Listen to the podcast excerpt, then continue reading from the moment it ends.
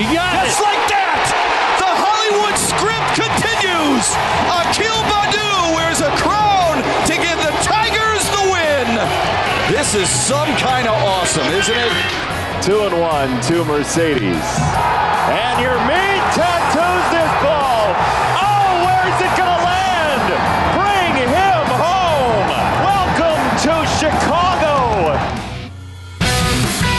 Ja, hallo en welkom bij een nieuwe Just a Bit Outside podcast. De enige echte MLB-podcast van Sport Amerika. En de eerste volledige week zit er nu echt op.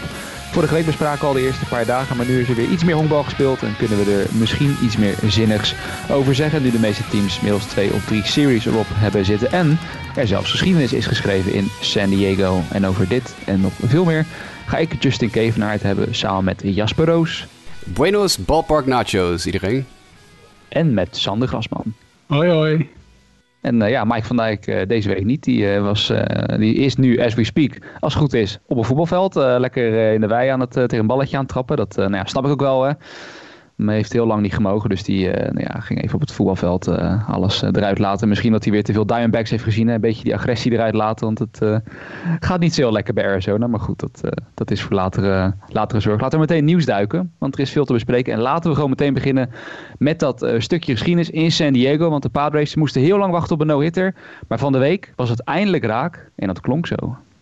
No balls in one strike. The big right-hander ready and delivers. Swing and a ground ball to shortstop. Kim has it. Friendly hop. Throw to first. That is a no-hitter, and that is history. Joe Musgrove with the first no-hitter in Padre history.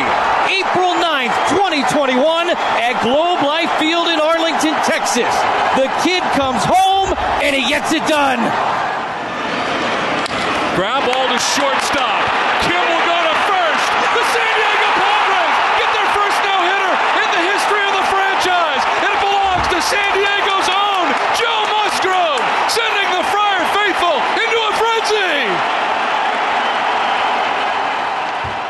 Ja, Jasper. Joe Musgrove. Hij is dus degene die het voor het eerst doet voor de Padres. En achter elke no-hitter zit natuurlijk wel een verhaal. Eh, eigenlijk bij elke no-hitter is wel een leuk verhaal. Dat hoort ook een beetje bij het honkbal.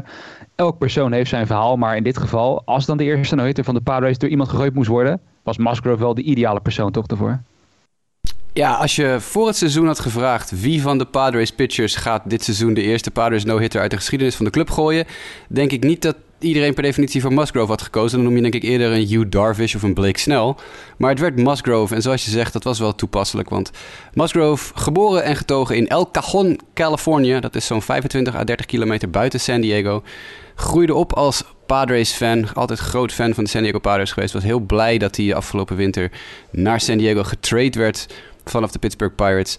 En dan is het natuurlijk ja, bijna een sprookje dat hij dan de eerste man mag worden die een no-hitter gooit voor een club die al 8205 wedstrijden lang niet in staat was geweest om een no-hitter te gooien. De enige club in Major League Baseball die nog geen no-hitter op het bord had staan. Weet je, Justin, wie de vorige club was die dat record verbrak? De vorige Ja, club die van de nul afging? De Mets, toch? Dat Met, waren eh, de Mets. Santana. Ja, Johan Santana en de Mets. Dat had ik als Mets-fan van jou wel natuurlijk verwacht dat je dat wist. Heel goed. Eh 30 keer al waren de Padres heel dichtbij. One-hitters genoeg. 30 stuks om precies te zijn in die eh 8205 wedstrijden. De club is natuurlijk opgericht in 1969.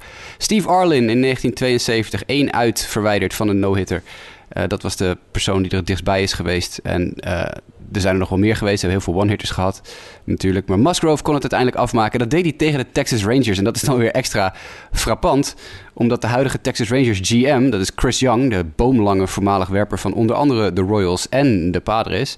eh, was de laatste werper die er zo in de buurt kwam. Want die gooide van 2006 tot 2010 voor de Padres in San Diego. En in 2006 was die twee nullen verwijderd van de eerste no-hitter in de clubgeschiedenis. Maar toen was het Joe Randa, wie kan hem vergeten, van de Pittsburgh Pirates. Die met één uit in de negende inning een honkslag sloeg en de no-hitter beëindigde voor Chris Young. Maar nu is dus als GM van de Texas Rangers kon hij wel toekijken hoe Musgrove het wel deed. En dat was, het was een fantastische wedstrijd. Musgrove gooide eh, enorm goed. Extra leuk ook voor zijn catcher natuurlijk, Victor Caratini. Die afgelopen winter van de Cubs werd getrade naar de Padres. Tezamen met Hugh Darvish. Want Caratini is eigenlijk Hugh Darvish zijn persoonlijke catcher. Uh, dus toen de Cubs Darvish naar San Diego stuurden, werd Caratini meegestuurd. En Caratini zat ook achter de plaat toen vorig jaar Alec Mills van de Cubs zijn no-hitter gooide. Dus uh, nu is Caratini de eerste catcher in de geschiedenis die twee no-hitters achter elkaar voor verschillende clubs achter de plaat zit. Dus zelfs voor hem is het een uh, gouden, gouden randje. Het is de tweede keer in uh, recente geschiedenis dat de Texas Rangers geno-hit werden. Mark Burley natuurlijk 14 jaar geleden in 2007 deed dat ook al. Toen tegen een line-up met sterren als Ian Kinsler, Nelson Cruz, Michael Young, Mark Teixeira en Sammy Sosa. Nou, de huidige Rangers line-up heeft natuurlijk niet dat soort namen eh, in de line-up staan. Uh, de enige speler die echt uh, nog een beetje tot de verbeelding spreekt is Joey Gallo. Dat was ook de enige persoon die het honk bereikte in deze wedstrijd. Want Musgrove raakte hem in de eerste helft van de tweede helft van de vierde inning met een pitch. En dat is letterlijk de enige honkloper die de hele avond op het honk is geweest. Dus Joe Musgrove ja, heeft zichzelf, denk ik, met een waanzinnige pitching performance de geschiedenisboeken ingegooid. Met een heel opvallend repertoire aan pitches. Ik schreef het ook op de website. Uh, heeft op een gegeven moment halverwege de wedstrijd geen, uh, geen, geen fastball meer gegooid. Vanaf de vierde, vijfde inning tot het einde van de wedstrijd. Alleen maar breaking stuff, cutters, paar change-ups. Geen enkele four-seam fastball in de laatste 50 pitches die hij gegooid heeft. Het is een heel opvallende benadering natuurlijk van een pitching... Uh, van, van pitching sequencing, zoals ze dat dan noemen. Ja. Maar een heel, heel fraaie wedstrijd. Mooi dat Musgrove is, mooi voor de Padres. Eindelijk, eindelijk de Padres van de nul af. Ja, nou ja, en ook dan misschien wat mooier en in deze omstandigheden dat in ieder geval wat publiek erbij was. Hè, omdat het ook in San Diego was. Uh, dat, dat, scheelt dan ook weer in plaats van dat het misschien vorig jaar in een, in een leeg stadion had plaats moeten vinden. Dan was dit ook wel wat, uh, wat mooier. En ik zit me ook meer te verbazen. Hè. Petco Park is denk wel qua, qua, qua hoe groot het stadion is wel een van de pitching parks toch in, in MLB. En dat het toch dan zo lang heeft geduurd. Je zou zeggen dat moet het misschien iets makkelijker maken, maar... Uh, nou, blijkbaar, blijkbaar hebben ze nooit werpers gehad die het niveau, uh, het niveau nee. hadden. Nu natuurlijk wel. Ze hebben nu uh, ja. meerdere fantastische pitchers. En Musgrove was natuurlijk al een beetje een dark horse, populaire, ja, onder de radar, zullen we even zeggen, pitcher. Ja. De laatste paar maanden. Hij gooide bij de Pirates vorig jaar echt, ja, echt gewoon een goed jaar. En zijn spin rate steeg alleen maar de laatste paar jaren. En zijn pitches werden steeds scherper en hij gooide steeds beter. Dus hij was al een beetje een populaire dark horse contender om dit jaar een soort breakout te hebben. Nou, dat heeft hij vrij snel voor elkaar, denk ik. Ja. Dan aangezien we het nu toch over de Padres even meteen even Fernando Tatis uh, bespreken. Wel natuurlijk van de week vooral over zijn errors. Die vijf errors na, wat was het toen? Geloof ik drie, vier wedstrijden die hij toen had genoteerd, Jasper. Maar toen daarna uh, de linkerschouder, de blessure. Het leek heel ernstig. Uh, dat lijkt het nog steeds. Alleen de club stuurt hem naar de 10-day IO. Wat is er nou precies aan de hand? Hoe erg is dit? En wat is, weet het eigenlijk van? Huh? Nou, het is een shoulder subluxation, uh, voor zover ik me heb kunnen, heb kunnen achterhalen. Dat is dus inderdaad je schouder uit de kom. Nou ja, wat je dan altijd krijgt is dat je labrum een klein beetje inscheurt. Je labrum is het kapsel om je schouder heen dat de boel op zijn plek houdt. Dus dat is ingescheurd bij hem. Schouder uit de kom. En daar heeft hij wel een geschiedenis van. In de minors is dat al één of twee keer gebeurd. In spring training, die keer dat hij van de wedstrijd, uit de wedstrijd werd genomen, daar hebben we het ook nog over gehad. Ja. Toen had hij ook al een lichte subluxatie. Een klein, klein beetje uit de kom geschoten. Uh, en dat is een blessure die nou ja, voor, voor gewone mensen niet zo ja, heel rampzalig is. Dat is je, je plopt je schouder weer in de kom en je gaat gewoon weer verder met je leven. Maar alleen het punt is, iedere keer als je schouder op die manier uit de kom gaat, wordt dat gebied steeds zwakker en steeds zwakker. En gaat het vaker gebeuren. Nou ja, als je een normaal, normale mensenleven hebt, doe je qua fysieke inspanning niet zoveel dat dat heel vaak gaat gebeuren. Maar voor honkballers, en in het geval van Tatis natuurlijk helemaal, als je kijkt naar hoe agressief hij swingt, hij heeft een heel erg, uh, nogal violent follow-through. Hij laat zijn knuppel met zijn ene hand los en swingt heel ver door met zijn linkerarm. Dit was ook zijn linkerschouder waar uh, de boel uit de kom is gevlogen. Uh, dan is dit echt iets, als je dit niet chirurgisch repareert en echt goed vastzet... dan gaat dit niet alleen heel veel vaker gebeuren... maar dit is een carrièrebedreigende blessure, kan dit zijn. Dus als je dit niet goed repareert en dit gebeurt nog twee keer dit seizoen, dan kan dit zijn dat we over een paar jaar geen Fernando Tatis Jr. meer hebben, omdat die arm gewoon niet meer, op een gegeven moment is het niet meer te repareren. Dan ben je gewoon te laat. Nou, onbegrijpelijk. De San Diego Padres hebben ervoor gekozen om op 10-day IL te, zeggen, te zetten. En er wordt zelfs over gesproken dat hij dit weekend, komend weekend, alweer op het veld zou kunnen staan. Um, als de blessure inderdaad, zoals tot nu toe algemeen aangenomen, een shoulder subluxation met een light labrum tear is, dan is dat een onverantwoorde beslissing. Want dat gaat dit jaar nog een keer gebeuren. Het gaat dan nog een keer gebeuren. En nog een keer. En nog een keer. En voor je het weet heb je een 14-jarig contract van zo'n jongen... en is hij na drie jaar uit de league omdat hij geblesseerd is. Chronisch geblesseerd is. Wat de Padres nu moeten doen, en ik snap dat dat een heel moeilijke keuze is die je moet maken met je superster, met het gezicht van de league. MLB wil natuurlijk ook dat Tatis op het veld staat. Maar deze jongen moet nu gewoon eigenlijk een paar maanden eruit. Die moet nu geopereerd worden. Vier tot zes maanden eruit. Postseason weer terug. Zelfde situatie als met Eloy Jimenez. Uh, daar, dat was een blessure waar hij niet doorheen kon spelen. In theorie kan je door een subluxation heen spelen, maar het is ontzettend risicovol. Uh, Eloy Jimenez, hetzelfde verhaal. Vier tot zes maanden eruit. En dan hoop je dat je club sterk genoeg is om uh, de postseason alsnog te halen. De Padres zijn diep genoeg om, ja. om echt wel iemand neer te kunnen zetten. Ze hebben een Jay Cronenworth die korte stop kan spelen. Ze hebben een Ha Kim, heel goede speler die korte stop kan spelen. Tuurlijk, het is niet niveau Tatis, maar er loopt nog meer dan genoeg talent omheen om die klap eventueel een beetje op te vangen. Maar je moet nu naar je toekomst kijken. Tatis moet nu gewoon geopereerd worden, een half jaar eruit zijn, postseason halen en in de postseason is hij weer terug en heb je de rest van zijn carrière lol van hem. Maar ja, de Padres zijn blijkbaar niet van mening dat dit een goed idee is. Nee, het is inderdaad heel, heel bijzonder. Uh, inderdaad ook wat je, wat je zei, want eh, AJ Preller is dan een beetje, beetje schimmig over of zo. Dan staat hij daar natuurlijk wel een beetje, een beetje bekend om. Maar dat je inderdaad dan ook op Twitter, uh, en het, is natuurlijk heel lastig inschatten, want zijn wij zijn alle drie geen medisch experts, maar dat je er ook mensen ziet die dat wel zijn. Die zeggen van, nou ja, dit is inderdaad wat je net zegt, heel risicovol. En het is beter om het, om, het rustig aan te doen. Maar ja, het is... het is wat het is. En de Padres, ja, ik zou inderdaad ook het risico niet nemen. Maar blijkbaar zien zij dat toch anders. En dat gaat met z'n bij niemand. Zou ook natuurlijk voor ons honkballiefhebber heel zonde zijn als het inderdaad leidt tot een speler die dit soort blessures voortaan uh, chronisch oploopt. Maar het is uh, de keuze van de Padres, zullen we maar zeggen. Dan naar uh, de Atlanta Braves en de Milwaukee Brewers. Want vrij apart. Uh, hè, natuurlijk alle traden en het wheelen en dealen, dat gebeurt normaal natuurlijk richting de trade deadline. En dan gaan de ploegen spelers in de etalage zetten. Maar er was ja, toch een nogal aparte trade tussen de Brewers en de Braves. Die, ik weet nog, wij in de app, we hadden het er allemaal over en we konden het allemaal niet echt plaatsen. Nou Sander, en jij dan toch de eer om het een beetje te, ja, iets van een conclusie aan te, te verbinden waarom ze dit doen. Want de Milwaukee Brewers hebben dus Orlando Arcia naar de Atlanta Braves gehaald voor twee relievers. Wat zit hier in hemelsnaam achter? Ja, de Craig Council, de, de manager van de Brewers, heeft erover gezegd dat dit vooral een, uh, een trade is die laat zien dat hun vertrouwen in uh, Luis Urias ligt, bij Luis Urias ligt. De, de speler van die in de Trent Grisham trade van de San Diego Padres overkwam. Um, ja, die is veelzijdig, kan ook tweede honk en korte stop spelen. Maar zij zien in hem nu de startende korte stop.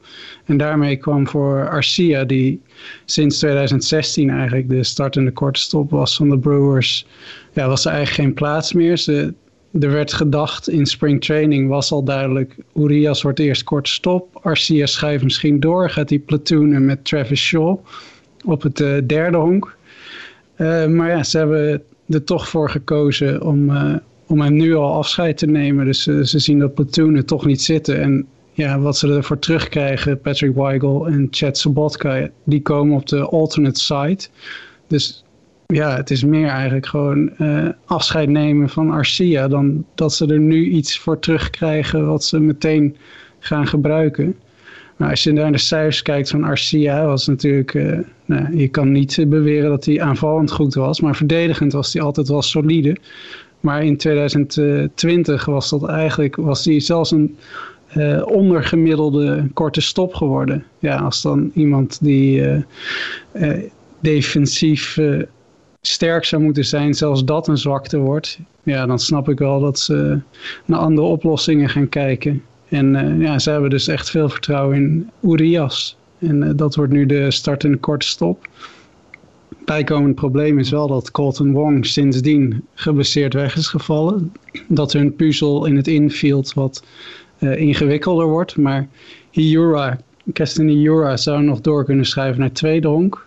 Maar ja, die is ook niet echt dat je kan zeggen on fire de laatste tijd. Dus ja, of je die nou van zijn positie wil afhalen in een moment, op een moment dat hij het al moeilijk heeft. Uh, de Council zal wel wat gaan moeten puzzelen nu. Maar ja, duidelijk wilden ze dat liever zonder Arcia gaan doen. Ja. Het is alleen wel apart dan ook, omdat ze dan de Braves kant van het verhaal dat ik zit te kijken. Die hebben natuurlijk Dansby Swanson dan al, maar die hebben ook op de bank dan nu uh, hier Adrianza, die best wel goed is begonnen als zeg maar backup infielder. Nou, als Ozzy Albies op twee. Ja, Ozzy Albies op twee. Dus dat is dan wel een beetje apart ik te denken. Dat dan ook niet de Braves per se, hè, dat dan de broers uh, afscheid alleen voor Arcia, oké. maar dat mensen zitten denken, ja, wat de Braves, natuurlijk, uh, hoe meer depth, hoe beter. Maar uh, ik weet niet, als ik zou zitten kijken naar een roster, is nou niet echt de plek waar ze dan die, die depth nodig hebben. En het is die speler die er nog steeds rondloopt, waarvan wij, ik geloof, was het met Sander dat ik het al een paar keer over gehad heb, dat Johan Camargo nooit de kans krijgt die hij eigenlijk gewoon al lang verdient bij de Braves. Want nee, Camargo... Die zit daar ook nog steeds, ja, die zit nu inderdaad... nou, die is gisteren ja, dus die is teruggestuurd naar de alternate site, omdat Ehire Adrianza van de restricted list afkwam. Maar Camargo is eigenlijk ook een speler die, ja, ik weet niet, weet niet of hij heel veel beter is in principe dan Arcia. Maar hoe goed is Arcia nou nog de laatste twee seizoenen? Weet je wel? Ik bedoel, Camargo is, is allemaal echt... vergelijkbaar. Ja het, is allemaal, ja, het is allemaal heel erg vergelijkbaar. Waarom zou je in hemelsnaam een jongen als, als, als uh, Arcia gaan halen... als je ook een Camargo op de bank hebt zitten? Ja, natuurlijk, het is ook niet. Is ook geen all-star. Maar het is, ontloopt het elkaar zo heel veel?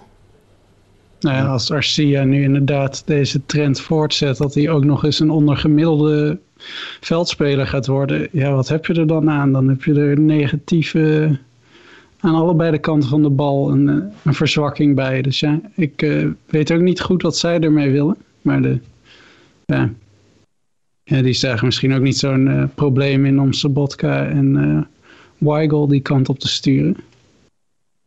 Ja, het is, uh, nou je ja, ziet het niet vaak, hè, trades in april. Ik, uh, iemand ja, vroeg het wel, op. Twitter uh, van, van de week aan mij. Ik zat er met Seb Visser onder andere even over te praten. Toen vroeg iemand, is er een statje voor van wanneer er dit, voor de laatste keer dit soort trades zijn geweest? Toen heb ik even zitten zoeken. Ik denk dat de laatste echt vergelijkbare keer dat we, vergelijkbare trade, dat we in april al een dergelijke trade zagen. Dus een speler die iedereen eigenlijk wel kent. Hè? Orlando Arcia is al een speler die we allemaal wel kennen. Mhm. Was volgens mij 2007. Uh, dat was uh, Brandon Phillips, die toen naar de Reds werd gestuurd in april. Uh, toen hebben we later nog een trade gehad in april voor Jorge de la Rosa in 2008. Maar dat was een player to be named later trade. Dus dat was een trade waar die later pas gecompleteerd werd. En dan kan je nog noemen misschien Marlon Bird naar Boston in 2012. Hm. Of Aaron Harang naar Colorado in 2013. Dat zijn denk ik de laatste vier keer geweest dat we in april al een trade hadden voor spelers waar we eh, toch wel iets eh, waar we van gehoord hadden. Spelers die in, de Ja. league, die in de league zijn geweest en die op een major league roster meteen geplaatst werden. Kijk, al die minor league swappers die we, die we in april zien, daar doen we niet zoveel mee. Maar dit, het gebeurt dus niet heel veel. Dus pak een beetje vijf keer in de laatste 13 jaar. Ja. Ik weet ook niet. Ik zag eh, Trevor Plouffe bij Talking Baseball er even over. Zij, zij kon het ook eigenlijk gewoon niet plaatsen waarom deze trade. Ze dachten misschien eh, ja, vindt hij het toch moeilijker om zich aan te passen dat hij geen vaste basisspeler meer is. Want ja, zelfs vorig jaar, terwijl hij toen heel zwak was, heeft hij nog gewoon alle 60 wedstrijden gespeeld. Misschien heeft hij zich niet echt eh, ja, positief ten opzichte van zijn wissel laten zien. Maar ja, hij zal dan best nog kunnen gebruiken als een eh, soort utility eh, infielder. Want hij heeft al, eh, ja, hij kon dus ook op drie, hij kan op korte stoppen bijspringen. Ze hebben een paar andere spelers, Urias en Iura, die ook nou ja, veelzijdig zijn in het infield. Ja, misschien heeft hij zich onmogelijk gemaakt. Maar dat speculeren. Ja, nou goed, en als dat zo is, dan heb ik wel slecht nieuws voor hem. Bij de Braves gaat hij denk ik ook in eerste instantie niet, eh, niet veel van de bank afkomen. Dus dat zou, eh, dan zou het heel vervelend worden voor Arcia. Maar eh, we will see wat de Braves met Arcia van plan zijn uiteindelijk. En hoeveel hij zou gaan spelen daar. Dan gaan we door naar Trevor Bauer. Die pitchte van de week woensdag was het, zeg ik het maar goed, tegen de Oakland Athletics namens de Dodgers. Een best wel prima start. Ik zie hier 10 strikeouts, 2 earned runs tegen. Uiteindelijk verloren de Dodgers wel omdat Kenny Jensen helaas een blown save uh, noteerde. Maar daarna, Jasper, was vooral in het nieuws dat er suspicious balls in beslag werden genomen van Trevor Bauer. De honkballen hebben het hier dan over natuurlijk. Ja, wat, uh, wat is er mee aan de hand? Jij, uh, jij maakte de, de outline deze week en je hebt er op, bij dit puntje opgezet... de ballen van Trevor Bauer worden onderzocht. dus moeten we maar eventjes uh, focussen op de dingen die inderdaad aan de hand zijn. Ja, nou ja, Trevor Bauer is natuurlijk uitgesproken over pine tar, sticky stuff en dat soort dingen de laatste paar jaar. Hij zegt, uh, hij zegt al jaren, iedereen gebruikt het. Het moet gewoon gelegaliseerd worden op, tot op een bepaalde hoogte. Um, want iedereen blijft het gebruiken en het is gewoon vals spelen. En nu blijkbaar is Bauer zo ver gegaan, misschien mogelijk, hè, uh, allegedly, dat hij dus de afgelopen wedstrijd uh, wat sticky stuff op de ballen heeft gedaan. Er zijn wat, wat honkballen in beslag genomen door de scheidsrechters. Die zijn naar de umpire room gebracht voor nader onderzoek. En eh, er zou naar verluid sticky stuff op hebben gezeten. En er zouden wat schaafmarken, schaafmarks op gezeten hebben. Wat, eh, wat shavings. Dus er zou wat geklooid zijn met deze honkballen.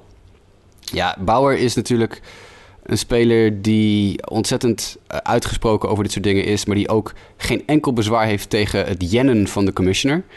En ik denk dat dit mogelijkerwijs echt wel een poging is om weer even wat aan de kaak te stellen. Maar als MLB natuurlijk wil, en dat vergeet Bauer nog wel eens. Bauer die, die beschouwt zichzelf als wat onaantastbaar zo nu en dan. Zo nu en dan.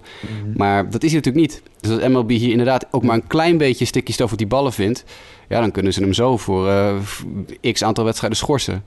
En ik denk toch ook dat de Dodgers daar niet op zitten te wachten... gezien hun eh, investering in hem. Nou zijn dat meestal wel onbetaalde schorsingen. Dus financieel gaan ze er niet op achteruit. Maar je wilt toch je beste spelers op het veld hebben staan. Dus ik denk dat er ook tussen Bauer en de Dodgers nog wel even wat gepraat wordt van... hey, ga nou niet eindeloos lopen jennen. Want uh, dat gaat een keer fout. Ja, apart, uh, apart gehaal in ieder geval rondom, uh, rondom Bauer dus. En dan een ander nieuwtje nog. Ja, vorige week hadden we het natuurlijk al erover. De All-Star Game die ging weg uit Atlanta. Toen uitgebreid over gehad. Toen was ook meteen eigenlijk de vervolgvraag van... ja, waar denken waar die nu heen gaat... Ja, Sander, het antwoord was misschien niet wat we allemaal hadden verwacht, hè? Nee, ik uh, had persoonlijk al de hoop dat het Milwaukee was. We hebben dat uh, vorige week ook genoemd als een mogelijke uh, plek waar het zou kunnen zijn. Omdat Hank Aaron, de, zouden festiviteiten zijn rondom Hank Aaron, zijn overlijden. En hij heeft natuurlijk ook in Milwaukee gespeeld. Maar het is Denver Coors Field van de, de Rockies geworden. Er zal nog steeds aandacht worden besteed aan, uh, aan Hank Aaron. Maar ja, dus niet op een plek waar hij ooit zelf gespeeld heeft. Want nee, er was nog geen Rockies voordat hij er was. Maar het belooft in ieder geval voor de Home Run Derby. En ook voor de All-Star Game natuurlijk. Maar belooft er heel wat vuurwerk. Want het, ja, het is natuurlijk de plek waar, waar veel home runs geslagen worden. De gemiddeld verste home runs worden geslagen volgens StatCast. En nou, dat zou wel eens een mooi spektakel kunnen worden als daar de, de Stantons en de Judges en de Jermin Mercedes en, naartoe gaan om daar uh, aan de derby mee te doen en eens flink wat ballen eroverheen te slaan. En uh, er is ook voor de fans in Colorado nog wat te beleven, want of dat verder nou zo'n leuk seizoen voor hen gaat worden... Dat valt niet onbelangrijk, nee. Nee, dat is zeker niet onbelangrijk. Nee, het is uh, 1998. Dat was de laatste keer dat de All-Star Game in, uh, in was. Ja, dat is wel ook wat je zegt, ook wel voor de lokale economie. Want toevallig van de week toen zag ik nog een item te bekijken over uh, wat, wat ook een beetje de economische impact was. Dat in Atlanta, vooral de, natuurlijk de horeca en alles rondom dat stadion, nou, dat, dat ze toch zo 1 à 2 miljoen dollar mislopen. Omdat de All-Star Game niet verplaatst is. Wat natuurlijk voor lokale ondernemers gigantisch vervelend is. Nou ja, de, de een uh, zijn dood is de ander zijn brood. Want in Colorado uh, lees ik ook een artikel. Daar zijn de ondernemers maar al te blij. Dat het stadion daar waarschijnlijk dan volgepakt uh, zal zitten als de All-Star Game demo is. Dus dat is goed wie, nieuws wie voor won de Home Run Derby in 98, Justin? Dat weet ik niet. Ik was net wel van plan om het zelf op te zoeken. Maar ik kwam er even niet aan toe. Ken Griffey. Jr. Oh, kijk. Voor, voor Rafael Palmero, Jim Tomey, Alex Rodriguez en Damian Easley van Detroit. Dat waren de deelnemers uit de American League. Damian Easley, dat is ook een blast from the past trouwens, maar goed. Hmm. Ehm, Griffey sloeg er 19. En dat is het oude, het oude format, hè? dus dat is... eh, Vinny Castilla, de, aan de National League kant, sloeg er 12 voor de Rockies. Thuis, thuiswedstrijd voor hem. Moises Alou Mooi. tweede. Javi Lopez van Atlanta 3. Mark Maguire 4. Chipper Jones sloeg er 1 voor de Atlanta Ja. Braves. En dat was nummer 5. Dus dat waren wel wat serieuze namen die in 98 eh, in die home run derby meededen. Ja, nou ja, benieuwd naar wat het dit jaar dan eh, brengt. Want wat Sander zegt, ik bedoel, gezien omstandigheden is het eh, misschien is het wat aantrekkelijker voor menig hitter om eraan, eh, om eraan mee te doen. En om dan een beetje misschien in die contraille te blijven. Het hitten, want we gaan een paar- paar statistieken tevoorschijn halen die in ieder geval deze week weer opvallend waren. En laten we even de Cincinnati Reds bespreken. Vorige week hadden we het er niet heel lang over. Ze, ja, er waren helemaal wat teams waar misschien niet heel veel rondom te melden was. Maar de Reds, eh, Sander, die zijn red hot, letterlijk. Ik bedoel, eh, ik zie hier 57 runs in 6 games. Eh, ook nog eens een hele goede start als team hebben ze. En ook heel wat onopvallende spelers eigenlijk die ja, gigantisch goed aan het seizoen zijn begonnen. Ja, ja, je zou niet meteen verwachten voorafgaand aan het seizoen dat Tyler Naquin even, veel statistieken aanvoert. Hij heeft de meeste RBI's voorlopig, heeft de meeste home runs. En nou hij doet het niet alleen. Nick Castellanos, als die er niet uitgestuurd wordt, is ook flink, flink aan het uitdelen. Jonathan India speelt tot nu toe fantastisch. En we hadden het er nou, vorig jaar natuurlijk in de, de playoffs over. Geweldige pitching, maar aan, aan slag konden ze echt heel weinig presteren. En, en nu is het nou, niet helemaal andersom, want de pitching gaat... Ja, Castillo valt een beetje tegen tot nu toe in zijn eerste starts, maar aanvallend is het nu fantastisch. Terwijl het zijn nou niet echt grote transfers geweest die, die nieuw bloed erin hebben gepompt. Uh, maar uh, ja, het is ongelooflijk. Ze, ze hebben op dit moment uh, zeven slagmensen met een OPS van boven de duizend. Daar heb je het wel ook over drie spelers die eigenlijk op de bank zitten in Stevenson, Tyler Stevenson, Jesse Winker en Aristides Aquino. Maar uh, ja, Castellanos, Naquin, Mustakas en Tucker Barnhart zitten allemaal gewoon boven de 1000 OPS. OPS plus zelfs drie man in hun basisteam van boven de 200. Dus die zijn gewoon uh, meer dan 100% beter dan de gemiddelde speler. En het is, ja, het is uh, ongelooflijke luxe hoe, hoe ze tot nu toe presteren. Alleen vraag ik me af in hoeverre dat uh, langer vol te houden is. Tyler Naquin is toch... Ja, zou, zou je niet meteen in de MVP-discussie uh, nee. opnemen? Uh, Castellanos en Moustakas hebben natuurlijk wel een iets ja, uitgebreider cv. Maar ja, het is maar heel erg de vraag. En dan valt wel op dat Joey Votto eigenlijk heel erg achterblijft weer. Terwijl dat zou je toch zeggen, dat is een beetje de leider aan de offensieve kant. Dus in hoeverre het vol te houden is, ik vraag me af. Maar uh, als ik een Reds-fan was, zou ik er nu uh, optimaal van genieten. Dat allemaal ja. zonder hun, hun beste pitching, hè? Want ze zijn nog altijd zonder Sonny Gray. Ze zijn nog altijd zonder Michael Lorenzen. Uh, Luis Castillo heeft één heel slechte start en één veel betere start gegooid. En voor de rest leunen ze op jongens als Tyler Mali, Jeff Hoffman, José de Leon, Wade Miley. Nou, dat zijn, dat zijn degelijke werpers, maar het zijn niet mm. de, van de, het kaliber Sonny Gray bijvoorbeeld. En zeker niet van het kaliber Trevor Bauer, waar ze vorig jaar zoveel op leunden. Dus het is echt extra knap om te zien wat die slagploeg op dit moment aan het doen is. En ook dat de pitching het dusdanig oké okay doet dat ze ja, meer wedstrijden blijven winnen dan verliezen. Want je kan nog 100.000 punten scoren. Als je tegenstander er eentje meer scoort omdat je pitching ruk is, dan kom je natuurlijk nog steeds nergens. Maar ze doen het, het klikt allemaal wel behoorlijk op dit moment daar. Ja. Nou, vandaag dan wel toevallig net de tweede wedstrijd. Want nu staan ze dan 6 en 2. Ze waren 6 en 1 toen ik gisteren de outline maakte. Vandaag wel verloren van, uh, van Arizona. Uh, maar ik zie, en ik zie bijvoorbeeld dan wel dat Senzel, want je zei net, hè, die over de 1000 OPS. Nou ja, Senzel heeft zich er net bijgevoegd sinds gisteren. die ging 3 uit 4. Dus die zitten er ook boven. Uh, ja, het is wel uh, bijzonder. Want ook die Jonathan India sowieso natuurlijk. Uh, Jasper, als prospect-kenner onder ons natuurlijk. Ik, die naam hebben we wel eens besproken. Dat weet ik namelijk nog wel. ik geloof in de allereerste draft podcast misschien die we hadden. Of de, ja, of de, of de tweede, tweede, weet ik niet meer. Ja. Inderdaad, als nou ja, toch een, een heel groot talent. leek er heel even niet zo snel uit te komen als men dacht. Maar nu ook, uh, ja, meeste RBI's in vijf wedstrijden voor een Reds debutant sinds 1920. Dus ja, als je uh, kijkt naar naar Jonathan India's recente track record. Hij is in 2018 gedraft, dus dat is onze tweede draft podcast geweest. Uh, vijfde overall. Was toen al een, een echt een serieuze uh, prospect. Hè? Dat kwam bij Florida vandaan. Speelde zijn college ball daar. En is gewoon een jongen die heel veel kan op een honkbalveld. Maar die is toen volgens de minors ingegaan en daar is het niet direct geklikt. En de grote uh, ja, het grote brein achter het, uh, het opnieuw opzetten van de, de honkbalstructuur zoals we die nu kennen, Theo Epstein, die zei 15 jaar geleden al een keer, geloof ik: Development isn't linear. De, de mm. ontwikkeling van prospects is niet, het is niet in alles in één, in één vormpje te gieten. Niet iedere prospect ontwikkelt zich op dezelfde manier. En als een jongen als Jonathan India, die natuurlijk in zijn eerste twee jaar van zijn minor league carrière niet de sterren van de hemel speelt als top 5 draft pick, dan haken heel veel mensen al af vaak. En dan is van, nou ja, dat wordt dus niks. Terwijl deze jongen eigenlijk nog steeds, het talent verdwijnt niet ineens. Maar ja, ontwikkeling is niet lineair. Spelers ontwikkelen zich niet lineair. Soms dan zie je een speler pas veel later in zijn carrière opbloeien. En andere jongens staan er op hun twintigste al. En niet iedereen is een Juan Soto. Soms heb je ook een, uh, ja, een Jonathan India. Of hoewel twee jaar natuurlijk ook niet zo'n extreme ontwikkelingscurve is. Ik bedoel, dat is ook niet zo heel gek.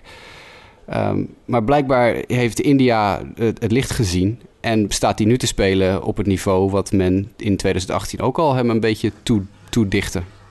Ja. Nou ja, en ik zit ook te denken, we komen er straks bij het volgende puntje. Maar bijvoorbeeld een Jacob de Grom, die was ook vrij oud toch, toen hij debuteerde. Uh, ben ik me te herinneren. Die was ook over de 25, 26 geloof ik. Ja, dat is, dat is weer een ander voorbeeld. Er zijn soms spelers hebben gewoon, die komen uit het niets. Je hebt altijd, je hebt altijd wel eens een speler dat je denkt van wow, die heb ik niet aanzien komen ook. Of je hebt een speler die super hoog gedraft wordt en waar helemaal niks van terecht komt. Dat gebeurt ook. Ontwikkeling is niet lineair. Nou, eh, India heeft, ja, dus daar kan je niet zo heel veel op aanmerken dit seizoen tot nu toe. Nee. nee, doet het gewoon heel erg goed. En is in ieder geval samen met Nequin en Castellanos. Dat zijn op dit moment uh, ja, niet per se de grote die, die je verwacht. Maar tot nu toe doen ze het ontzettend uh, goed. Al moet Nequin wel zie ik ook nu de home run lead met vijf. Wel delen nu met Ryan McMahon van de Rockies. Nou, over een uh, prospect gesproken.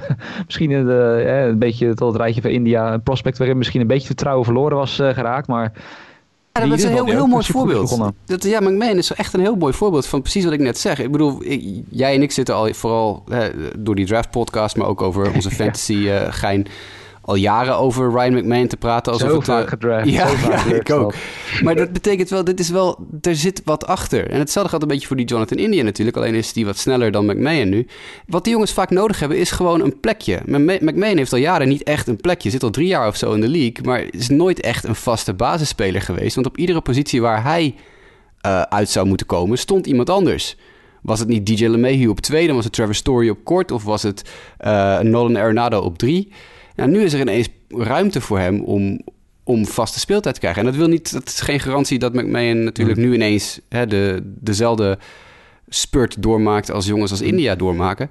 Maar ja, ontwikkeling is niet lineair. Misschien is McMahon nu wel... en ik zal hem tot in het einde der tijden... tot hij uit de league is blijven draften... in de hoop dat het, dat het wat wordt. Jaren geleden had je nog zo'n gast. Ik ben even zijn naam vergeten. Bij de Rockies zat hij ook. Was het... Oh, shit. Nou, nou ja, je hebt er meerdere daar natuurlijk. Je hebt Garrett Hampson de laatste jaren. Ja, dit is langer geleden nog. Uh, Oké. Oh, dat ga ik even opzoeken. Het is, kom ik zo meteen op terug. Die jongen heb ik echt jaar na jaar uh, gedraft omdat ik dacht van, nou, dit, dit, dit gaat hem worden. Dit wordt het jaar. Ian, uh, Ian Stewart. Ian Stewart. Oh, oké. Okay. Nou, dat is hetzelfde verhaal. Ian Stewart was voor mij altijd echt zo'n jongen van... Nou, dat, de swing is zo mooi. Het, het niveau, het, dit kan... Het, de prospect staat... Dit, dit wordt hem, dit wordt hem. Nou ja, dat is dus weer een typische jongen waar... Het development niet lineair is gebleken. Want die heeft het nooit echt gehaald. Ja, hij heeft regelmatig een beetje league gespeeld, maar het is geen ster geworden. Nee, oké. Okay. Nou, McMahon is een beetje mijn nieuwe Ian Stewart. Hmm. Nou ja, nou, in ieder geval benieuwd ook of McMahon het dan nu, uh, nu veel kan houden. Ik bedoel, hij heeft natuurlijk sowieso wat betreft uh, de home run lead heeft hij voordat hij een core speelt. Dus uh, wie weet hoe ver hem dat dit jaar gaat, gaat brengen. Iemand anders die natuurlijk graag houdt van home runs slaan, dat is Pieter Alonso. En waarom we hem even kort bespreken, of waarom ik hem in ieder geval heel graag wil bespreken natuurlijk als Mets-fan, is omdat hij ook een record in handen heeft. Namelijk, hij heeft als snelste speler ooit 70 home runs gehaald. Heeft hij in 220 wedstrijden gedaan. En dat uh, ja, is al een mooi record om in, uh, in handen te hebben als Pieter Alonso zijnde. Hij kon alleen niet voorkomen dat Jacob de Grom uh, vannacht ook weer eens een sterke wedstrijd niet winnend af wist te sluiten. En daar wilde ik toch ook even kort bij stilstaan, want kwam ook toevallig van de week bij de Athletic langs een artikel. Hè. De Grom sinds 2018 al helemaal fenomenaal daarvoor. Natuurlijk ook al goed, maar sinds 2018 twee Cy gewonnen. Ook nog een keer derde geworden. Was natuurlijk vorig jaar in de Cy voting. En ja, dan is hij heel erg goed. Maar inmiddels zijn ze wel gewoon 36 en 42 sinds 2018 dus in zijn starts. Het is echt uh, ja, vrij bizar. Hij heeft nog uh, heel veel no decisions. En daarin is zijn ERA 33 no decisions in totaal met een ERA van 1,76. Ja, het is uh, zoals hier wordt geschreven in het artikel unprecedented. En ze konden ook maar één iemand vinden met wie het vergelijkbaar was. En dat is dan toevallig iemand van mijn andere team in de EL. Felix Hernandez, die tussen 2010 en 2013 ook heel erg goed was.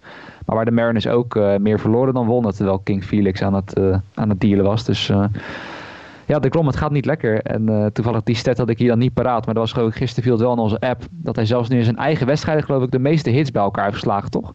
Ja, in uh, de twee starts van Jacob de Grom dit seizoen heeft hij drie honkslagen geslagen. Er is geen één andere speler uit, uh, op de Mets die drie honkslagen heeft. Brandon Nimmo heeft er twee en er is nog iemand met twee.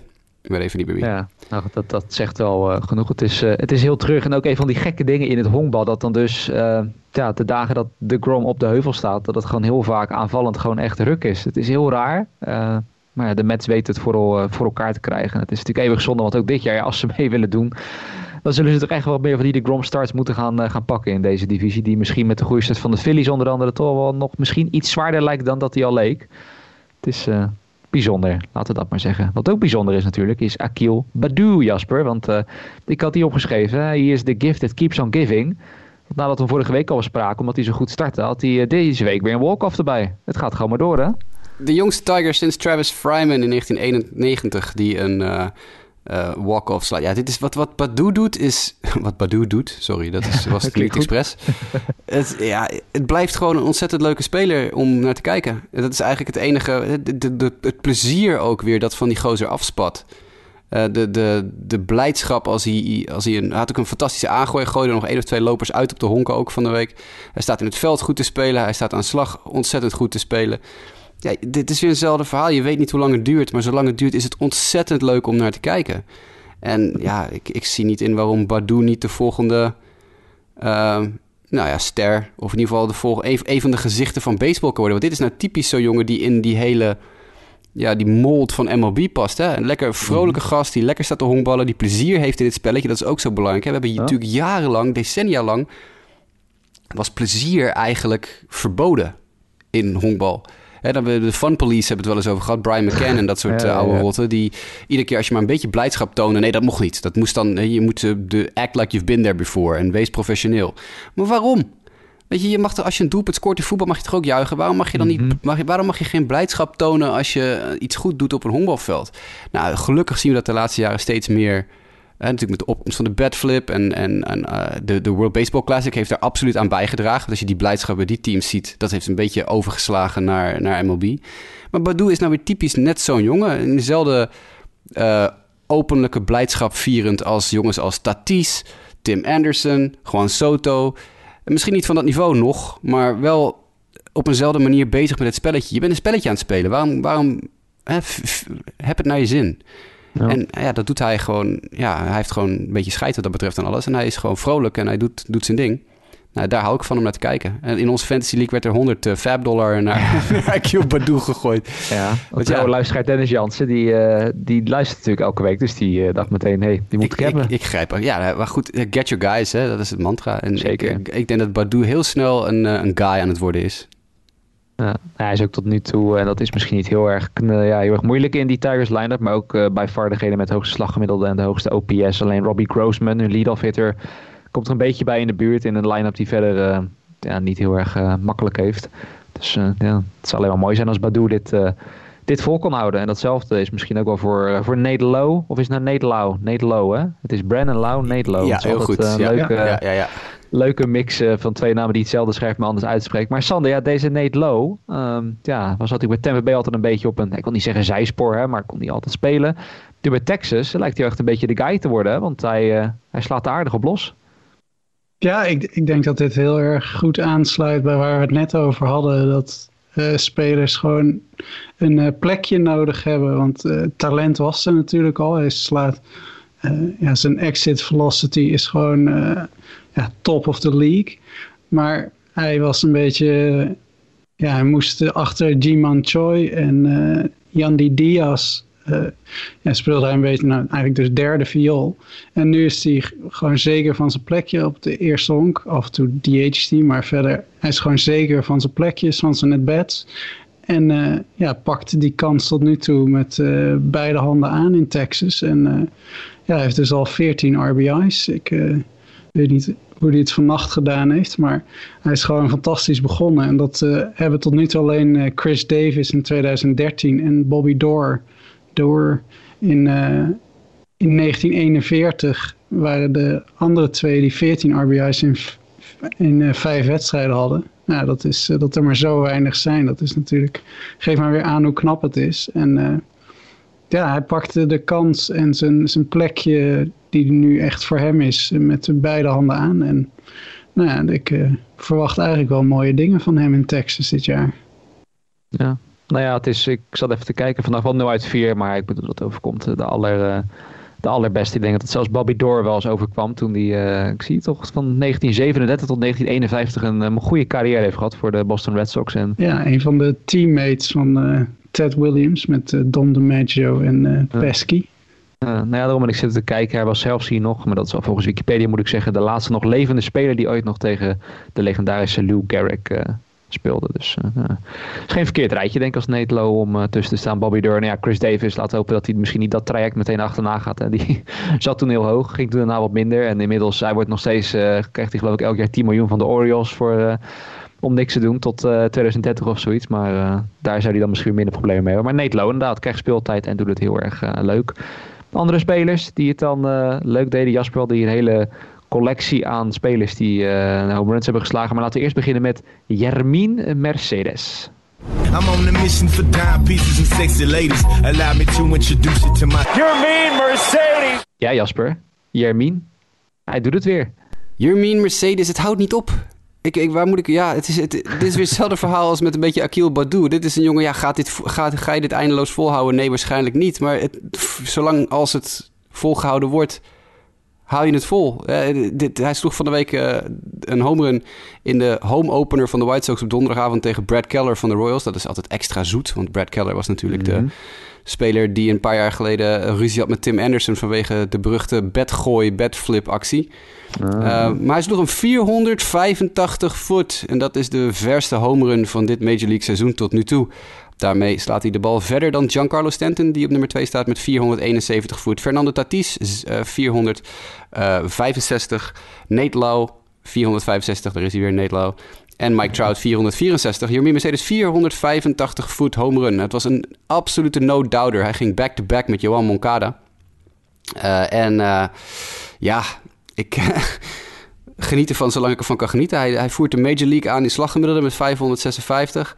En uh, ja, Sander liet net even, uh, moest ik wel om lachen, bij de home run derby contestants vallen dat uh, Jermien Mercedes misschien maar een home run derby kandidaat moet zijn. Maar dat lijkt me wel heel grappig om naar te kijken, want die staat in batting practice ook regelmatig ballen tussen de 450 en 500 voet te slaan.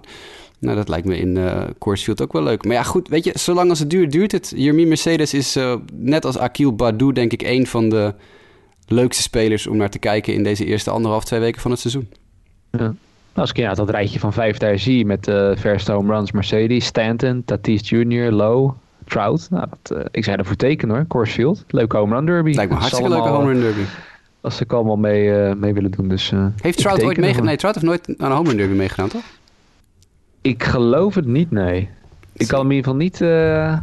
Volgens mij heeft hij altijd geweigerd. Ik weet niet. Het, ja, het staat me bij dat dat ook last laat. Ja, MLB vraagt hem elk jaar of hij mee wil doen, maar hij, hij doet het niet. Uh, hij doet het niet, nee. Hmm.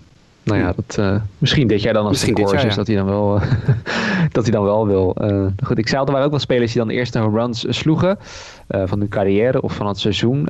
Sander, waar ook wel denk sorry, ik moet heel even nog credit geven. Die, die mix net van uh, Mercedes niet zelf gemaakt.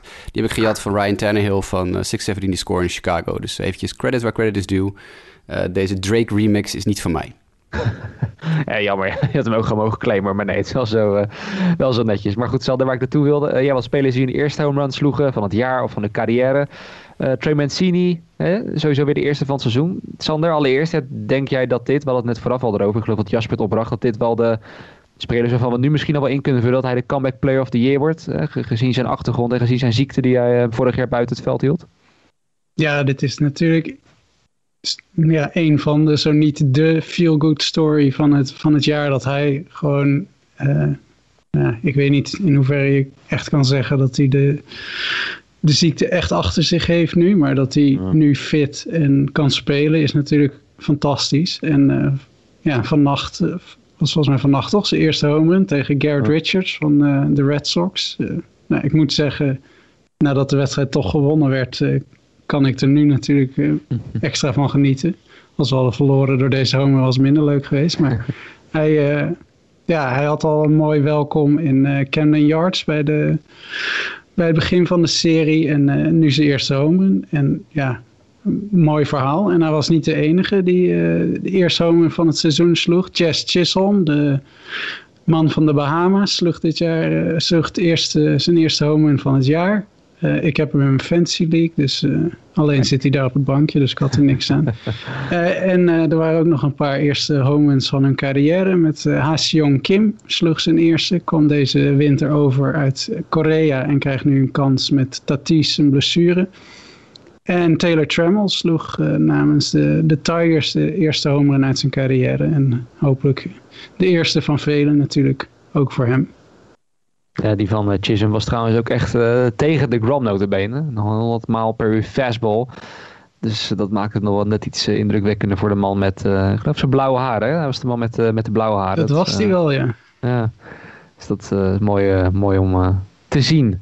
Dan nog wat paar korte nieuwtjes die wel bespreken waar het zijn. Jasper allereerst een, nou ja, toch wel een bekende naam, Rooknet Odor.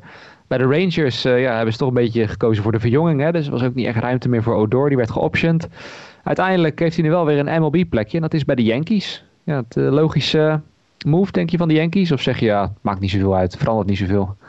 Nou, je weet ik niet. Odor, uh, je zegt verjonging, maar Odor is ook pas net 27, hè? Dus dat is ook nog Zo niet... echt? Ja, ja, ja. ja, Zo. Dus, uh, die is al, hij is er al heel lang. gevoel dat hij, ik wil het zelf, dat hij heel lang is, ja. Ja, nee, hij, was, hij is heel jong uh, opgeroepen al naar de majors door oh. Texas als supertalent jaren geleden. Maar Mm. hij is pas net 27, in februari 27 geworden. Dus het is nog Oh. gewoon een, een jong gastje. Hij is gedebuteerd op zijn 20ste in 2014 al. Um, maar ja, wat, wat is nou de situatie? Ja, Odor is natuurlijk heel duur. Hij heeft een heel duur contract. Um, heeft toen, uh, ik geloof in, wat was het, 2017 een verlenging voor zes jaar en 50 miljoen of zo getekend. Nou, dat is natuurlijk vrij duur als je nagaat dat hij de laatste paar jaar niet zo heel veel gepresteerd heeft. Uh, om niet te zeggen, gewoon eigenlijk heel slecht is geweest. Vanaf 2019 al heel slecht. En ook in 2017 was hij bijzonder matig. Dus ja, dit is, dit is een typische, denk ik, een, team dat een gok neemt op een speler van... nou, komt hij weer op zijn oude niveau? En nou was zijn oude niveau... hij heeft één jaar is hij eigenlijk maar heel goed geweest, hoor. Dat is alleen in 2016 zo ongeveer geweest. Dan was hij echt... dat je denkt, oké, dit voegt iets toe aan een line-up. Voor de rest is hij, heeft hij eigenlijk nooit waar kunnen maken... Uh, wat hem toebedicht, toegedacht werd. Maar ja, ook hetzelfde geldt weer. De development isn't linear. Hij is pas 27, dus misschien uh, komt er nog een, uh, een boost. Dit is een beetje zo'nzelfde move als, als vorig jaar de White Sox... die Nomar Mazzara overname van de Texas Rangers. Ook een jonge gast, toen ook nog maar 25 of zo. Waarvan je denkt, van, nou ja, misschien komt er wat uit. Uh, ja. En zo niet, dan, ja, dan ben je er ook, heb je er ook geen bel aangevallen. De Yankees hebben Odor overgenomen van Texas voor twee minor leaguers. Josh Stowers en Antonio Cabella. Nou, oké, okay, prima. Dat is niet, uh, niet de hoofdprijs of zo. Um, ja, wie weet heeft een nieuwe omgeving voor Odor. Hè? Dat is... Uh, dat gok je altijd voor spelers. Er is een reden dat spelers als Carson Fulmer de laatste twee jaar door zes verschillende teams uh, vastgelegd is en weer gedumpt is. Je hoopt iedere keer dat er uh, de change of scenery, de beroemde, de, de, nieuwe omgeving. Nou, Odor ziet er in ieder geval wel helemaal vernieuwd uit. Want een van de redenen misschien. misschien dat je, ja, een van de redenen dat jij misschien dacht dat hij zo oud was, is omdat hij er altijd vrij oud heeft uitgezien met die lelijke ja, ja, ja. zwerversbaard van hem. Maar ja, zoals de Yankees uh, varen, weten we allemaal, hè? Die, die willen geen baarden in het team. Dus uh, Odor heeft van de week uh, de, die zwerverbaard eraf gehaald en zag er nu weer als een klein kind uit.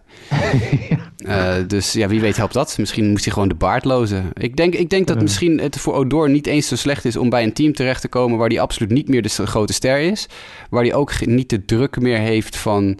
Oké, okay, ik speel bij de ploeg waar ik een top prospect was... die me vanaf mijn twintigste al naar de majors gehaald hebben... die me een dikke contractverlenging hebben gegeven... terwijl ik hem eigenlijk misschien niet verdiende... Um, enzovoort, enzovoort. Maar ja, goed, dat hoop je natuurlijk van een, van een Mazzara ook. En dat werd ook helemaal niks. En ook bij de Tigers is dat op dit moment uh, niet zo heel veel. Het is wel opvallend dat er meerdere van die hele erg uh, ballyhood prospects van de laatste paar jaar... Odor en Mazzara bij de, Rangers echt geflopt zijn... maar het ook ergens anders niet meer...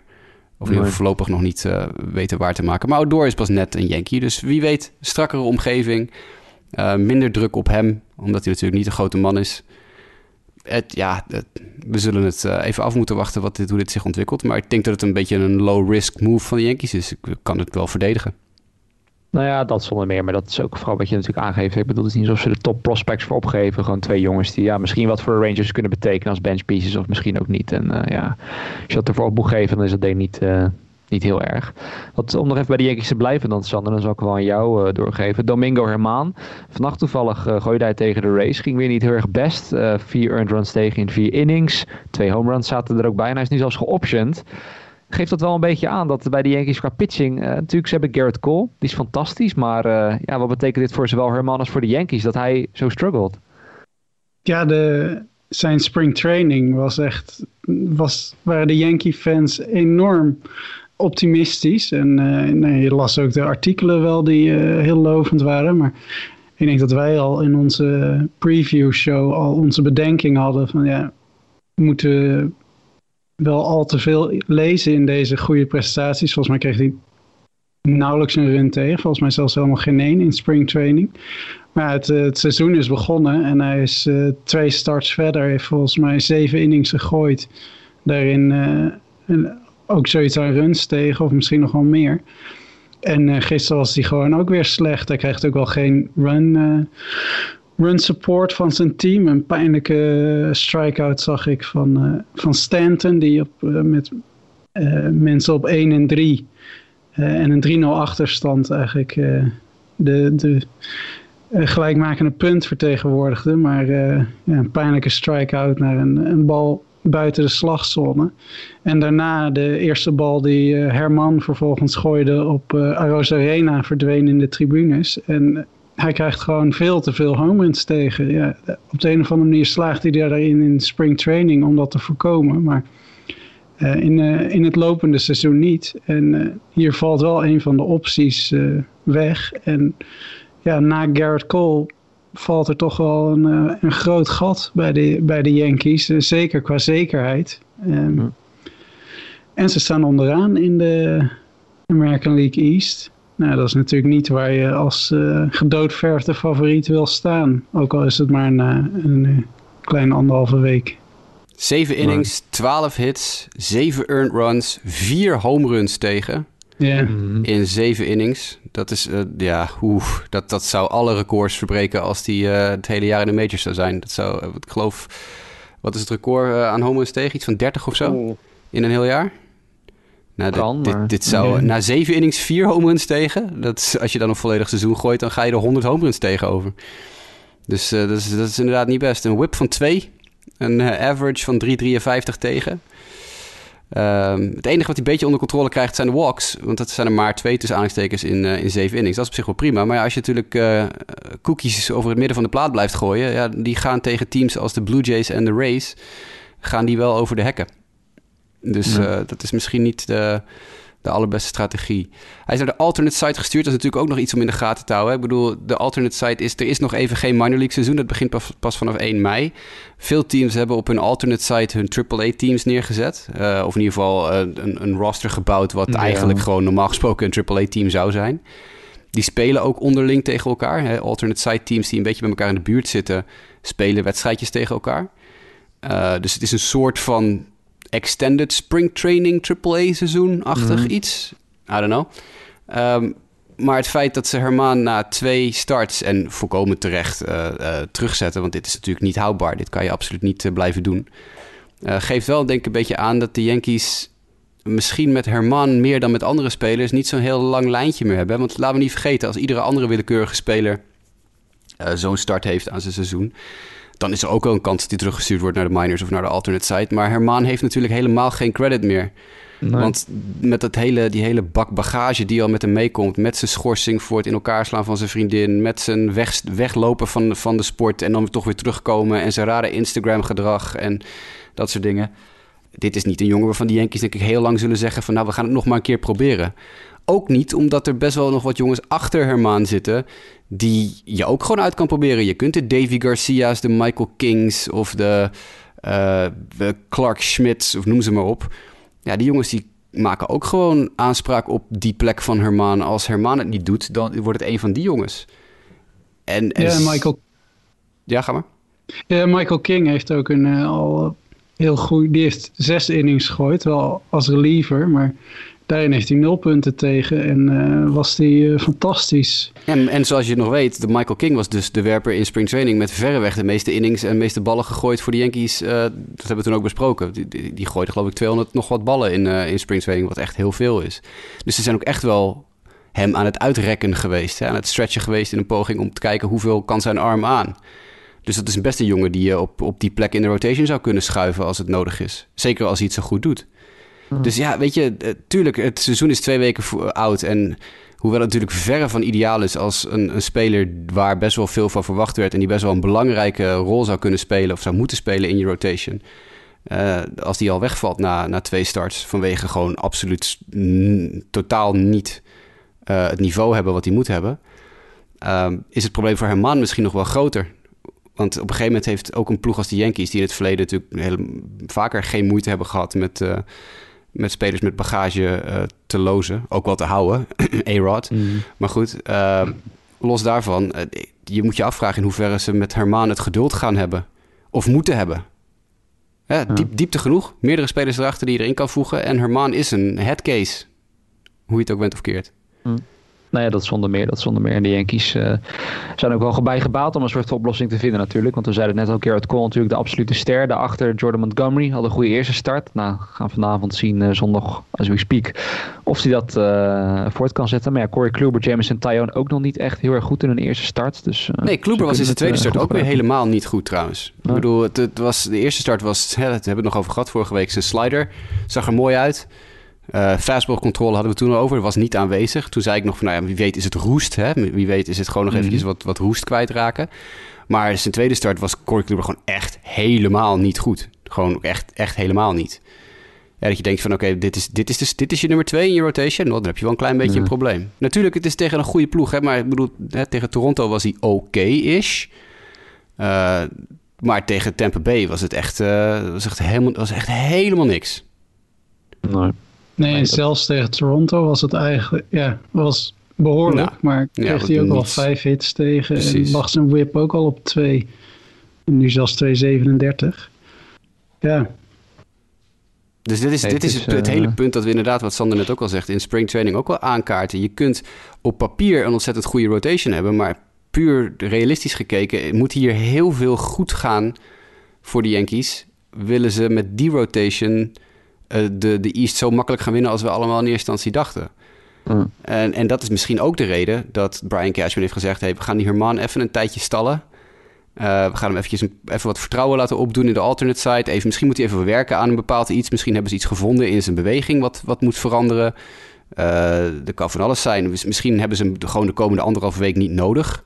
Je hebt ook mm. al het vorig jaar het ook een paar keer gezien bij teams... die in één keer een speler terugzetten naar de alternate side... Puur en alleen omdat ze dan de komende anderhalve week toevallig net even geen vijfde starter nodig hadden of zo. En dan hebben ze liever een extra bullpen-arm in de, in de bullpen. Dat kan natuurlijk ook. Maar als je kijkt naar hoe die gooit en hoe ontzettend weinig uh, indruk zijn pitches maken, denk ik dat er wel wat meer aan de hand is. Ja, dan nog uh, wat wel positiever nieuws. Uh, vooral voor Mike, want Tim Locastro, we hebben het vorige week ook over hem gehad. En toen evenaarde hij het record van, uh, van Tim Raines uh, Jasper. Ja, nu ging hij daar overheen. Hè? Heel erg knap voor toch een uh, ja, niet denk hele superbekende speler in de majors. Maar Tim Locastro van de Diamondbacks gaat ook de geschiedenisboeken in. En de Hall of Fame in. Tenminste zijn schoenen en zijn spikes gaan de Hall of Fame in. Want ja, de Hall of Fame wil natuurlijk graag als er een record gebroken wordt... Dan, dan moet er een item van die speler naar de Hall of Fame. Voor, voor Musgrove was dat ze pet toen hij een no-hitter gooide voor uh, onze vriend Tim Locastro mogen zijn spikes zijn schoenen naar de Hall of Fame. 28 steals op rij te starten career breekt het record van Tim Raines. We hadden het er vorige week al even over toen we nog even hem wilden noemen. En ik vind het leuk. Ik, ik ben een groot, groot, groot Tim Raines fan altijd geweest. Ik denk, uh, volgens mij Sander, jij, wij hebben het vaker wel over Tim gehad. Hè? Over uh, zijn geschiedenis en uh, zijn exposed tijd en zijn cocaïnegebruik op het veld en zo. Volgens mij in de History podcast hebben we het nog over hem gehad. Ja, sowieso groot liefhebber van de, de, S, uh, de Expos. En, uh, In die periode ook, ja. ja. Fantastische, fantastische ploeg. Um, dus het is aan de ene kant jammer dat hij zijn record kwijt is. Aan de andere kant is het dan... Ja, records zijn er om gebroken te worden, zei ooit een groot mhm. sportman. Uh, en ik vind het dan wel leuk dat zo'n jongen als Tim Locastro... dan over vier jaar verspreid dat, dat dan even doet. Ja, dat, dat zonder meer. En dan om het nieuwslokje af te sluiten...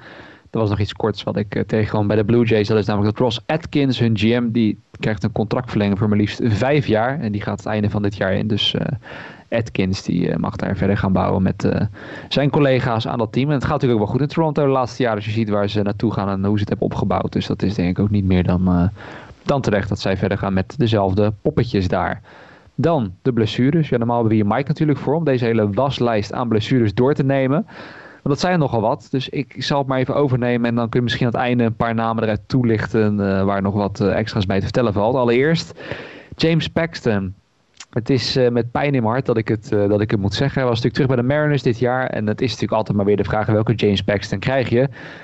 Ja, het was al tijdens de eerste start dat het fout ging. En uh, het lijkt nu ook dat hij al de richting Tommy John surgery moet gaan, zeg maar. Dus het lijkt dat de comeback van Paxton bij de Mariners maar van hele korte duur was. Dan Colton Wong, net al even gedropt, een left oblique strain. Die is richting de 10-day IL en die moeten de Brewers dus even missen. Trevor Rosenthal, ook vorige week al benoemd. Nou, het lijkt er inderdaad op dat het slechtste scenario waarheid wordt. Hij heeft thoracic outlet surgery gehad. Gaat dus naar de 60-day IL en uh, ja, tekent een eenjarig contract bij Oakland om de closer te worden. Maar voorlopig, de Athletics, het gaat al iets beter, maar een closer die gaan ze voorlopig niet hebben. Dus dat gaan ze anders op moeten lossen. De race moet ook een heleboel oplossen. Meerdere relievers weggevallen. Hunter Strickland, Chaz Rowe, Pete Fairbanks, allemaal relievers die oud zijn. Komt ook nog Chris Archer bij trouwens, hè, die huilend van de heuvel afging uh, afgelopen nacht, als ik het goed zeg. En uh, nou ja, daarvoor komt wel Brent wel dan weer terug. Dus daar wil Jasper straks zonder meer nog wel wat over zeggen. George Springer dan, nou, die leek terug te komen, is toch weer oud. Waarschijnlijk tot en met 15 april. Had een low-grade quad strain en zijn debuut bij de Blue Jays laat toch dus even op zich wachten. Mike Soroka, die was al herstellende van een gescheurde Achillespees, maar daar komt nu een shoulder inflammation bij, waardoor hij weer twee weken uh, ja, stil wordt gelegd en dat ook zijn comeback dus even moet wachten. Tim Anderson, van de White Sox vorige week besproken. Hij moet ook daadwerkelijk naar de injured list met een hamstring strain. En Billy Hamilton is in ieder geval volgens Jaspers woorden ook uh, de oud met de domste hamstringblessure ooit. Dat mag je zo nog even toelichten eventueel. Ketel Marte ook hamstringproblemen. Hij moet ook naar de 10-day IL. Dat is natuurlijk een hard gelach voor de Diamondbacks. Cody Bellinger, een left calf contusion, ook naar de 10-day IL. En dan nog een COVID-blokje, met name de Blue Jays werden hierin uh, vrij hard getroffen. Uh, Teoscar Hernandez was oud met een, uh, met een COVID-besmetting. Maar ook Lourdes Gurriel, die ging zelfs tijdens de wedstrijd van de Angels van twee dagen terug, moest hij aan de kant omdat hij bijwerking had van het vaccin. Datzelfde geldt ook voor Ryan Baraki. die had ook ja, dusdanige bijwerking dat hij niet meteen kon spelen. Dus de Blue Jays werden hard getroffen. En JD Martinez die is ook aan de kant met een COVID-besmetting. Dus ja, toch wat spelers zo die helaas uh, verdwijnen vanwege corona of ja, vanwege lichte bijwerkingen van het vaccin. Wat dus op de lange termijn in ieder geval zal betekenen dat deze spelers er geen last meer van gaan hebben. Maar die in ieder geval nu wel even een uh, wedstrijdje of twee, drie uh, moesten missen. Daardoor dus een heel rijtje aan spelers zo, Jasper. Die, het, ja, die er voorlopig gaan missen. Het een wat langer dan de ander. Wat wilde jij nog uitpikken? Qua blessures? Uh, ik wilde Colton Wong er even uitlichten. Want die had naast die blessure, wat vervelend voor hem is, vlak daarvoor natuurlijk zijn comeback in St. Louis, waar hij zijn hele carrière acht seizoenen had gespeeld. En kreeg een staande ovatie van de fans en een uh, tip of the cap van Adam Wainwright. En een tikje tegen zijn rug aan van Yadi Molina. En Colton Wong stond huilend aan slag. Uh, dat vond dat een heel mooi emotioneel moment. Sowieso, de, de, de Cardinals fans. Het zijn we hebben wel eens wat commentaar op fanbases, maar dit was wel echt weer een, eh, een heel fraai staaltje. Uh, welkom terug van een verloren zoon, zeg maar. Maar ondanks dat hij voor de grote rivaal speelt. Want hij is natuurlijk van de Cardinals naar de Brewers gegaan. Het zijn twee echt teams die een grote rivaliteit hebben, ook in dezelfde divisie zitten. En in plaats van wat je dan bij voetbal zou krijgen, dat je dan uitgefloten en uitgejoeld wordt 90 minuten lang, ging uh, de volledige stadion uh, rechtop met de handjes op elkaar om Colton Wong terug te verwelkomen in St. Louis. Dat vond ik een erg mooi moment. Hij ook, want hij stond aan slag te huilen. Um, Billy Hamilton's domste hamstringblessure ooit. Het was echt om te janken. Die maakte een headfirst sliding op het derde honk zonder dat er een honkman op het honk stond en zonder dat er een aangooi naar het honk kwam. Oftewel een oh. volkomen nutteloze headfirst sliding. En daarmee uh, verrekte hij zijn hamstring en staat hij nu op de IL. Dat, dat soort showboten, dat uh, is misschien niet het allerslimste aller tijden wat je kunt doen. En het laatste wat ik wil noemen is of het ene laatste eigenlijk, want heb ik nog een algemene observatie. Je zei Chris Archer is huilend van de heuvel gehaald. En uh, ja, hij zegt zelf dat het meevalt, maar gaat vrijwel zeker naar IL. En dat betekent inderdaad de comeback in de Major League, of de ja, definitieve komst naar de Major League van Brent Honeywell. En Brent Honeywell is een, een werper waar ik al vier jaar lang misschien wel langer al naar uitkijk. In bijna al mijn prospect watches die ik de jaren daarvoor nog gedaan heb, wel iets over gezegd heb. Het is een van mijn ja, absoluut favoriete pitching prospects aller tijden. Niet alleen vanwege het feit dat hij een screwball gooit. En die kom je natuurlijk niet zoveel meer tegen in, uh, in Major League. Dus het is altijd leuk om een knuckleballer of een screwballer weer uh, in de league te zien. Maar vooral omdat hij gewoon zo ontzettend goed was in uh, de periode voordat hij geblesseerd raakte. En hij is ja, op een gegeven moment jaar in, jaar uit geblesseerd. Hij is toen twee jaar, twee, drie jaar geleden gooide hij in spring training. En dan was het de bedoeling dat hij zijn debuut zou gaan maken, dat hij in de rotation ja, van de race uh, zou komen. En toen scheurde hij zijn UCL in springtraining en onderging hij Tommy John. En nou ja, dat is nu het is een aaneenschakeling van blessures geweest voor Honeywell. En het is eindelijk zover dat hij eh, vandaag zondag gaat debuteren. Hij zal als opener fungeren in de wedstrijd. Dus niet als starter, maar als opener. Ehm, dus dat zal betekenen dat hij waarschijnlijk maar één, misschien max twee innings gooit. Dat is ook verstandig natuurlijk, want hij heeft niet zo heel veel gegooid. Zeker niet competitief de laatste, wat is het, jaar of zo. Uh, dus ehm, ik denk dat het voor Brent Honeywell vooral een kwestie is van even de zenuwen onder controle krijgen. Die inning onder zijn riem. En, uh, en dan hopelijk hier vanuit verder bouwen naar een, uh, ja, een fraaie carrière in de Major League. Want Brent Honeywell is een van die pitching prospects. Er zijn er altijd een paar waar je dan ja, altijd, altijd van hoopt dat het eruit komt. Hè? Brent Honeywell is er eentje van mij. Michael Kopech is er altijd eentje geweest. Nate Pearson heb ik het al jaren over. Dat is ook een van mijn dudes, jongens die ik echt gewoon heel graag waar ik heel graag naar kijk. Waar ik, wat ik gewoon fantastisch vind om naar te kijken. Om wat voor reden ook. Honeywell vanwege zijn screwball. Pearson vanwege zijn fastball. Uh, Kopek vanwege zijn fastball. Maar vanwege ook zijn wind-up en zijn gooibeweging. Ik vind het, dat is, dat is pure kunst. Als je kijkt naar hoe die Mhm. zijn wind-up doet. En zijn follow-through. En zijn, zijn hele werkbeweging is pure kunst. Dit zijn allemaal jongens waar ik ontzettend enthousiast van word. Dus het is, het, Kopek doet het supergoed uh, in de majors tot nu toe. Nate Pearson is dan op IL, maar die stond in spring training weer hartstikke goed te gooien. En die gaan we ook zien nog binnen nu en een paar Zeker, weken. Zeker. Brent Honeywell er nu bij. Inject it into my veins. Ik ben er wel helemaal klaar voor. Nou, dat is uh, goed om te horen. Jij, Sander, nog iets te melden naar aanleiding van dit, uh, deze lange lijst aan blessures? Ja, nee, ik zat, ik zat uh, de race tegen de Yankees te kijken en Archer was heel goed op dreef. En uh, ja, het zou zonde zijn als hij uh, ernstig geblesseerd is. Want uh, ja, ik, ik, gun hem wel weer dat hij wat kan opkrabbelen na zijn moeilijke jaren in de, bij de Pirates. En nou, hij was goed bezig gisteren. ik was aan het afwassen en dan kijk ik graag naar hoe de Yankees tegelijkertijd worden afgedroogd. en, Mooi. Dank je. en ja, nou ja, het uh, ging gelukkig ook nadat hij eraf ging goed. Maar ja, het is, ja er, leek niks aan de hand. Hij gooide op Lemieux, die sloeg een, een hit die over de outfielder heen stuiterde. En ineens ja, vroeg hij of er mensen naar hem toe konden komen. Omdat hij de, nou, dus blijkbaar iets gevoeld had. En ja, ging met rood betraande ogen eraf. En dat ja, dan schrik je toch wel even. Dus uh, ik hoop dat het goed met hem gaat. Want uh, ja, dat gun je natuurlijk niemand dat ze geblesseerd raken. We hadden het er in de appgroep even over, want jij bracht het ter sprake inderdaad, Sander, van hé, hey, die staat echt wel goed te gooien. Ik had hem ook met een schuin oog, had ik die wedstrijd opstaan. Maar ik zat ook in de tussentijd iets anders te doen, dus ik had het niet helemaal meegekregen. Dus ik zat ook een beetje mee te kijken. En toen appte ik al van, oh, met een vraagteken achter Chris Archer Redemption Season. En een kwartier later werd hij eraf gehaald. Dus dat was het ja. einde, einde Chris Archer Redemption Season. Het was kort, uh, maar mooi. Ik lach niet om de blessure van Chris Archer natuurlijk, want ik vind nee, het verschrikkelijk maar... voor de jongen. Maar ik lach om het feit dat, ik, ja, dat we in een kwartiertijd van... Oeh, is hij terug? Naar oeh, hij is niet terug gingen. Dat is, uh, is pijnlijk voor hem. Ik, uh, ik hoop ook voor hem dat, hij, dat het meevalt. Hij zegt zelf dat het meevalt, dus laten we hopen dat het zo is. Maar dat zou ook betekenen dat Brent Honeywell weer terug moet naar de alternate site. En ja. dat wil ik dan ook weer niet natuurlijk. Dus. Nee. Nou ja, aan de andere kant hebben we het net over. Die race, dat vind ik wel bijzonder. Want vannacht hielden wel de Yankees op de nul, geloof ik. Dat ze dan... Al de relievers zijn geblesseerd zo'n beetje. Die half bullpen ligt. Maar dat toch de race altijd weer guys vinden die... Het in ieder geval op orde kunnen houden. Ook vannacht hier Andrew Kittredge, Ryan Thompson, Cody Reed. Even kijken, wie hebben we hier nog meer? En dan Jeffrey Springs en Chris Mazza. Die zorgden ervoor dat ze de nul hielden tegen de Yankees. En dat Archer dus uh, uitviel nou ja, dat zijn inderdaad niet de meest bekende namen. Maar de race die vinden altijd wel een manier om hun problemen, met name qua armen, op te lossen. Dus dat uh, gaat ongetwijfeld ook weer gebeuren. En, uh, Cody Reed, uh, ex-top prospect van de Cincinnati Reds, overigens daar geflopt. Ah, ja, en toen ja. opge, opgestofzuigd door de race, die er weer iets van maken, inderdaad. nou ja, dat ook vooral inderdaad. Dat je dan misschien wel namen tussen hebt die ooit wel wat waren, maar dan daar dan toch weer tot, tot leven komen. En ja, Springer vond ik wel opvallend, hè. Die dan toch, ja, iedereen bij Toronto, of nou ja, Dunedin, Dunedin, Florida natuurlijk, kijkt ernaar uit om uh, Spring aan het werk te zien namens de Blue Jays. Maar het, uh, ja, het duurt eventjes. Dat is denk ik wel zonde natuurlijk. Vooral gezien de investering die in hem is geplaatst. Maar uh, het, laat nog even op zich wachten. En laten we hopen als hij dan terugkomt ieder voor de Blue Jays zijn. Dat hij dan wel gewoon fit kan, kan blijven. En van waarde kan zijn voor de, voor de Blue Jays. En Paxton ja, vind ik natuurlijk zelf vooral heel jammer. Die, ik had wel gehoopt op dat hij bij de Mariners, dat nu zijn comeback, dat hij daar weer een beetje op de rails kon krijgen. En dat je dan meteen waarschijnlijk, het is nog niet 100% zeker, hij gaat nog voor een second opinion.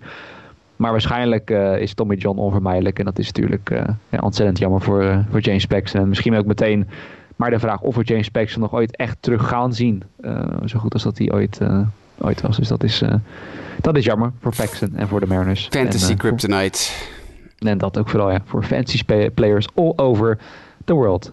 En eh, dat gezegd hebben, ik denk dat we er wel zo'n beetje doorheen zijn. eh tenzij iemand nog wat te melden heeft. Maar we hebben denk ik toch wel de mooie eh, de Ja. afgelopen week eh, behandeld. En zoals ik zei, ja, er valt wel iets meer zinnigs over te zeggen.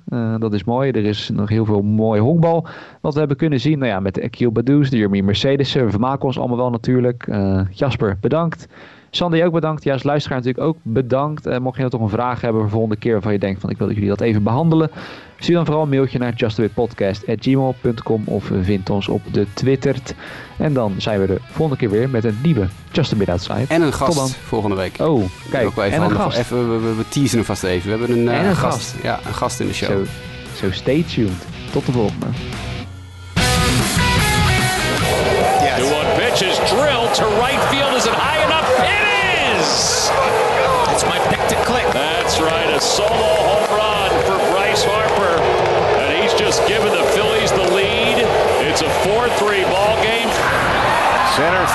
Backs up Sinzel, still backing up. It's gone! And Eduardo Escobar, three consecutive games with a home run.